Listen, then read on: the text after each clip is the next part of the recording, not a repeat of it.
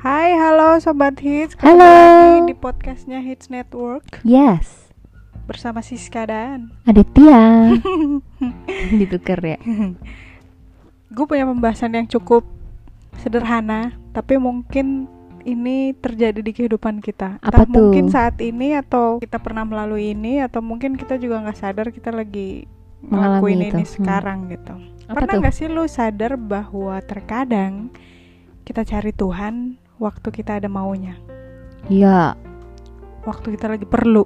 Mm, motivasinya ya. motivasinya. Jadi kayak kayak contoh gue pernah dengar perumpamaan nih ya pendeta bilang bahwa ada dulu kalau dia nggak bayar perpuluhan usahanya anjlok. Widih, usahanya eh, digoyang gitu. Bede. ada ada masalahnya gitu maksudnya ada Mm-mm. pencobaannya kayak kita bikin Tuhan tuh kayak premannya yang ngejagain kita gitu Iya. loh kalau kita nggak bayar upeti Kayak dibikin takut-takut ya. eh, kayak nanti ada masalahnya gitu. Kayak masalah yang nimpa kita gitu kayak Mm, kita nggak bayar kita nggak taat perpuluhan.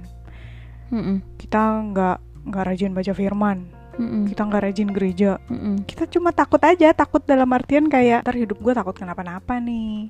Hidup gue takut kena masalah nih. Kayak misalnya jadi waktu kita punya masalah ini sih nggak bayar perpuluhan Ini sih nggak ada Ini ke sih Tuhan. nggak rajin ibadah oh makanya tadi gue Hmm. tabrakan gue Oh belum iya. saat teduh tadi Waduh, Gokil nggak bahaya. tuh kayak gitu? Wadidaw. pernah nggak punya perasaan kayak gitu atau pernah nggak ngerasain kayak gitu yang mungkin Jujur dulu pernah sih mengalami di fase-fase yang aku belum bener-bener punya pengenalan akan Tuhan. Jadi persepsiku adalah cuman tahu pribadinya Tuhan dari apa kata orang. Dan aku merasa itu berbahaya karena aku memikirkan bahwa sesat juga loh. Kalau misalkan kita mikir eh, Tuhan tuh kayak pribadi preman eh, kita sayang baru Tuhan sayang gitu. Itu kan konsep yang salah. Aku percaya Tuhan nggak akan kehilangan rasa sayangnya. Oke. Karena dia adalah kasih itu sendiri. 1 Yohanes 4 ayat 8 Barang siapa tidak mengasihi ia tidak mengenal Allah Sebab Allah adalah kasih. Jadi apa yang aku percaya adalah Tuhan nggak mungkin nggak mengasihi atau berhenti mengasihi kita Karena dia adalah pribadi yang mengasihi dan dia adalah kasih itu sendiri Konsep di pikiranku adalah bukan aku harus bikin apa supaya Tuhan sayang sama aku Sekalipun aku pernah begitu aku bertobat ya kita pernah pasti ngalamin pernah kayak gitu. pernah kayak aku mungkin punya motif mendekati Tuhan terselubung motif hatiku Hmm. nggak benar gitu Hmm. aku berdoa aku taat cuman karena aku takut bukan karena aku sayang. Mm-mm. padahal konsep yang terlebih penting yang harus kita punyai adalah kesadaran bahwa aku sayang Tuhan aku mau berbuat ini dan itu karena Tuhan udah terlebih dahulu sayang dan kasihnya itu nggak berkesudahan atas aku. Sekalipun memang ya gue nggak bisa bilang itu salah juga ketika orang eh, baru datang. Kayak misalnya pastilah kita pernah tahu atau mungkin ada lah di luar sana kayak ketika punya masalah baru ke gereja Mm-mm. ketika sakit baru mau tobat iya nah karena buat gue sih itu maklum aja dan gue nggak boleh lah menghakimi ya kan tapi Mm-mm. itu kan karena dia tahu wah eh, kuasa Tuhan besar Mm-mm. nama Yesus besar Mm-mm. gitu bisa memberikan kesembuhan Mm-mm. bisa menolong dan lain-lain itu nggak bisa dipungkiri juga dan Iya. wajar tapi ketika kita nih kita yang Mm-mm. mungkin baik-baik aja ataupun hidupnya lagi punya masalah justru datang ke Tuhan dan kita menjadikan Tuhan tuh pelayannya kita Tuhan kayak Om Jin Mm-mm, kayak wah aku udah lakuin ini itu Tuhan kok nggak tolong Ah, gitu bener, Itu bener, sesat kayak sih. gitu. jadi kayak ya itu kayak kita kejam ya kayak kita cuma Mm-mm. nyuruh Tuhan tuh untuk lakukan apa yang kita pengen tanpa pernah kita untuk pengen tahu Tuhan mau lakukan apa di hidup kita Hmm, hmm. tanpa pernah kita pengen cari tahu Tuhan pengen pakai kita kayak apa jadi alatnya gitu Mm-mm. Padahal kalau kita mau tahu dan mau cari tahu isi hatinya Tuhan, waduh, gak usah ngomongin berkat, duit, Mm-mm. promosi, jabatan, wah itu mah jadi hasil dan jadi upah bagi bagi karena Tuhan tahu lah apa yang kita perlu. Ya, ada di Matius 6 ayat 33 kan. Tetapi carilah dahulu kerajaan Allah dan kebenarannya, maka semuanya itu akan ditambahkan kepadamu. Jadi sebenarnya nggak perlu takut kalau kita udah dapetin dulu pribadinya Tuhan gitu semua akan ditambahkan itu pasti itu suatu kepastian Iya benar. tapi jangan sampai kita kejar Tuhan karena kita kejar berkatnya Iya benar. itu yang salah yang menurutku di situ dan sebenarnya gini benar kata kamu tadi kita nggak menghakimi orang yang deket sama Tuhan atau mau cari tahu mau kenal sama Tuhan diawali dari pengenalannya karena eh, konsepnya Tuhan maha kuasa Tuhan maha baik Tuhan yang menolong Tuhan yang menguatkan Tuhan yang memberi mujizat Mm-mm. itu boleh di awal Wajar. tapi ngomongin pertumbuhan rohani, kita tuh mengenal dan kita dekat dengan pribadinya bukan karena kita mau ngejar apa yang dia punya. Hmm. Nggak enak loh kalau misalkan kayak aku deket sama cowok atau sama sosok orang pribadi. Aku cuma mau dapetin hartanya, jadi aku deketin dia. Kayak memanfaatkan doang. Aku deket sama dia Hmm. karena aku cuma mau dapetin manfaatnya. Itu bener-bener terlalu egois. Mungkin sekalipun Tuhan disakiti, Tuhan tetap sayang. Tapi kayak aku kayak ya ampun, coba deh mikir tega sama Tuhan. Dia Iya, udah kasih jadi semuanya. Biar dari podcast pembahasan kali ini kita bisa ngajak teman-teman untuk bisa menelisik lagi hati dan pikiran kita gitu loh. Ketika Mm-mm. kita lakukan Mm-mm.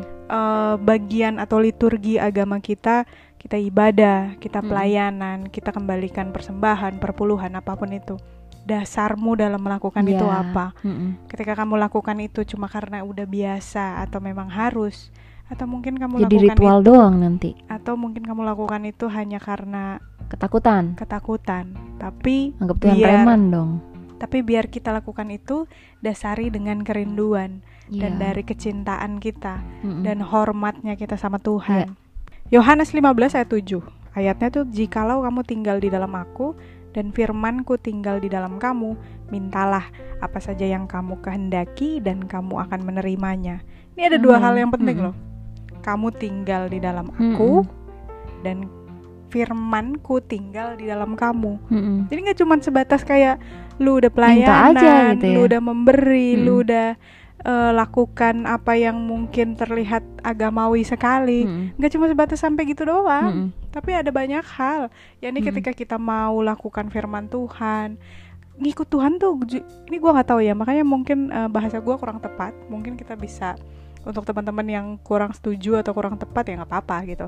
Tapi Mm-mm. gue selalu bilang sama orang ngikut Tuhan itu berat loh Iya. ngikut Tuhan itu bener buat orang-orang yang kuat karena lu disuruh mengampuni orang yang jahatin lu Mm-mm.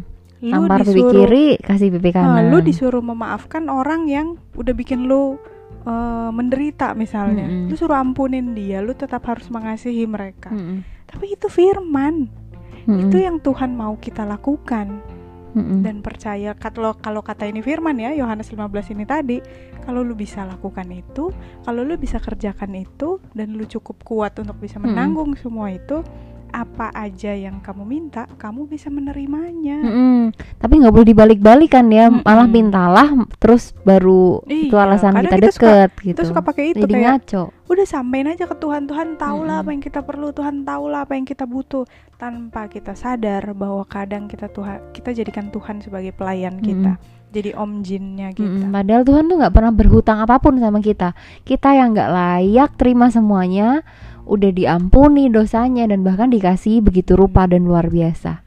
Justru itu sih harusnya membuat kita sadar kalau kita tuh harus berbalik ya kayak minta ampun sama Tuhan kalau masih punya eh, keegoisan atau kayak gitu.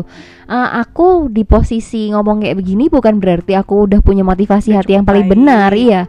Enggak, aku nggak dalam posisi itu. Tapi maksudnya kayak aku juga belajar mengkoreksi diri setiap hari dan aku juga minta Tuhan bener-bener Tuhan yang uji, Tuhan yang lihat, eh, Tuhan yang tahu kalau hatiku masih ada ke- apa hal yang nggak pure.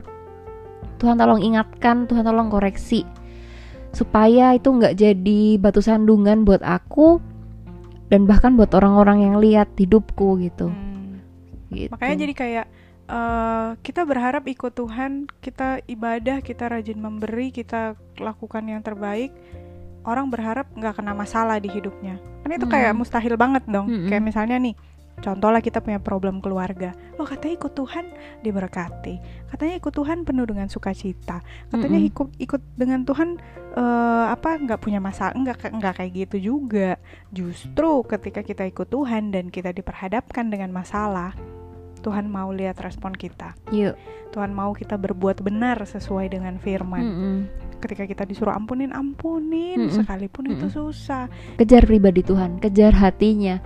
Apa yang Tuhan mau? Kalau mau nyenengin Tuhan ya, nanya apa yang Tuhan mau. Jangan semau Ya, kita. ya gitu. makanya ketika kita sampein ini kita juga pengen kasih tahu cara kita melalui seperti ini adalah gue tuh belajar untuk bisa berhenti Tuhan berikan ini Tuhan berkati ini. Tuhan eh, tolong ini Tuhan bla bla bla kayak permintaan terus tapi gue belajar kayak Tuhan perbaharui hatiku perbaharui perbaharui pikiranku Mm-mm. Tuhan kasih tahu apa yang Tuhan mau buat Mm-mm. hambamu, buat buat gua gitu ya. Jadi lebih seringnya gitu ya berdoa untuk sekarang-sekarang ini ya seperti itu. Mungkin teman-teman juga bisa mulai dengan seperti itu, Mm-mm. doa dan tanya.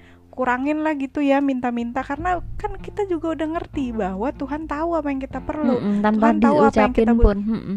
Sekalipun ada juga yang bi- bi- bisa bilang gitu bahwa lah kasih tahu dong kan namanya juga komunikasi sama bapak. Kasih tahu dong anaknya pengen apa. Oke, boleh. Tapi kita tuh suka terjebak.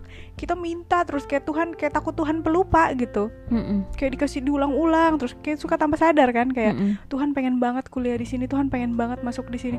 Kayak Tuhan tuh tahu gitu. Tapi jangan pakai itu kayak kita minta ke Tuhan tuh Tuhan kabulin dong, Tuhan iniin dong. Apalagi kita kayak barter gitu ya. Bahkan gini, sebenarnya yang menarik adalah waktu kita diminta sampaikan sesuatu isi hati kita. Titik beratnya adalah kita bangun komunikasi, Hmm, bangun hubungan, Hmm. kejar pribadinya. iya, Itu loh yang sebenarnya yang utama. mendekat. Iya, kejar pribadinya, dapatkan semuanya, bukan dapetin apa yang kita mau, terus kita kayak.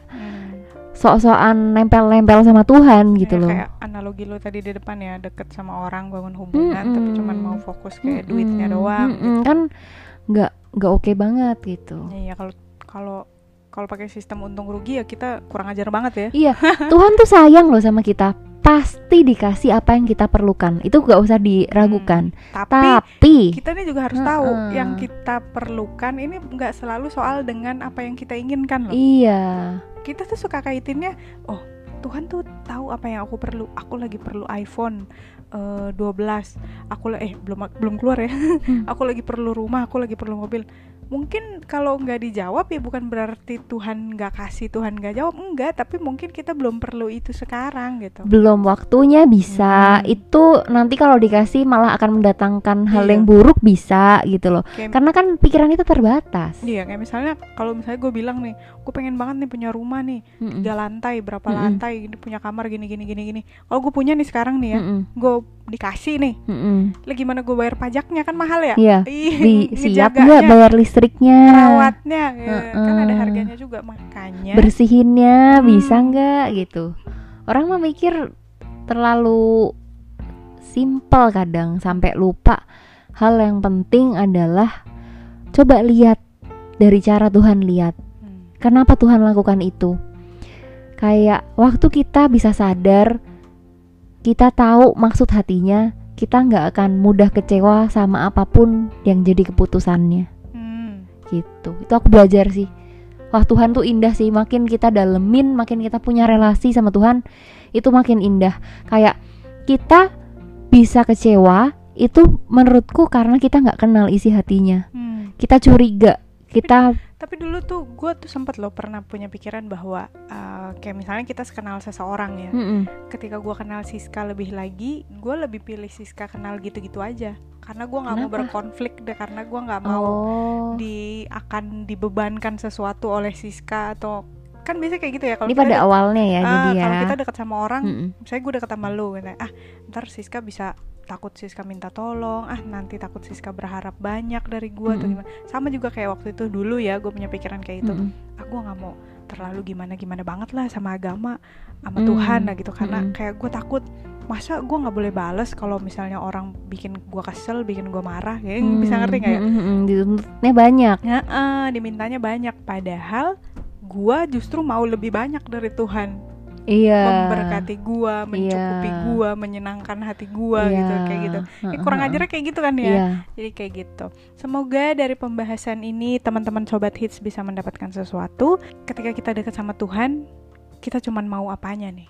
apakah kita mau benar-benar tahu isi hatinya Iya. atau cuma mau kejar berkatnya doang. Mm-mm. Minta Tuhan koreksi hati kita. Kalau misalkan kita salah, kita juga minta ampun sama Tuhan. Balik lagi, eh, Tuhan, Tuhan terlebih tahu apa yang jadi kerinduanku.